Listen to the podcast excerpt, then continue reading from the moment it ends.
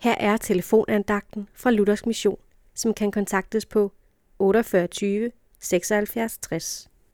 Andagsholderen i dag er Jens Rosenberg Nielsen. I Matteus evangelies det 4. kapitel, vers 4, læser vi, Mennesket skal ikke leve af brød alene, men af hvert ord, der udgår af Guds mund. Vort menneskelige organisme har hver dag, ja endda flere gange dagligt, behov for at indtage noget føde, for at livsfunktionerne kan blive opretholdt. Det er vel knap noget, vi skænker den store tanke, for vi lever i en verdensdel, hvor det daglige brød ikke frembyder noget større problem.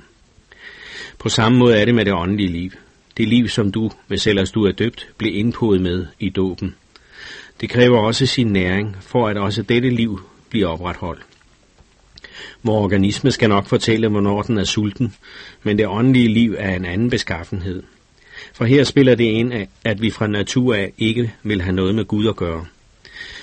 Og det giver en konflikt mellem det åndelige liv og så mit gamle jeg.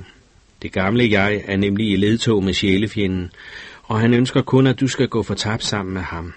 Det nye liv ønsker at blive næret ved læsning af Guds ord, ved samvær med andre kristne, ved nadverbordet og i bøn. Derfor må vi mindes om, at det ikke er nok, at vi spiser og drikker en sund kost for vort læme. Også det åndelige liv har behov for sund kost. Og den finder du i ordet fra Guds mund, hørte vi. Ordet fra Guds mund er i Bibelen, og i den prædiken, i vidnesbyrdet, i den samtale, som er inspireret af og som støtter sig til Bibelens budskab. Man kan også undlade at spise, eller spise meget usundt, men der dør livet. Sådan er det også med det åndelige liv. Spis af Guds ord og lev i det, der lever du sundt. Amen.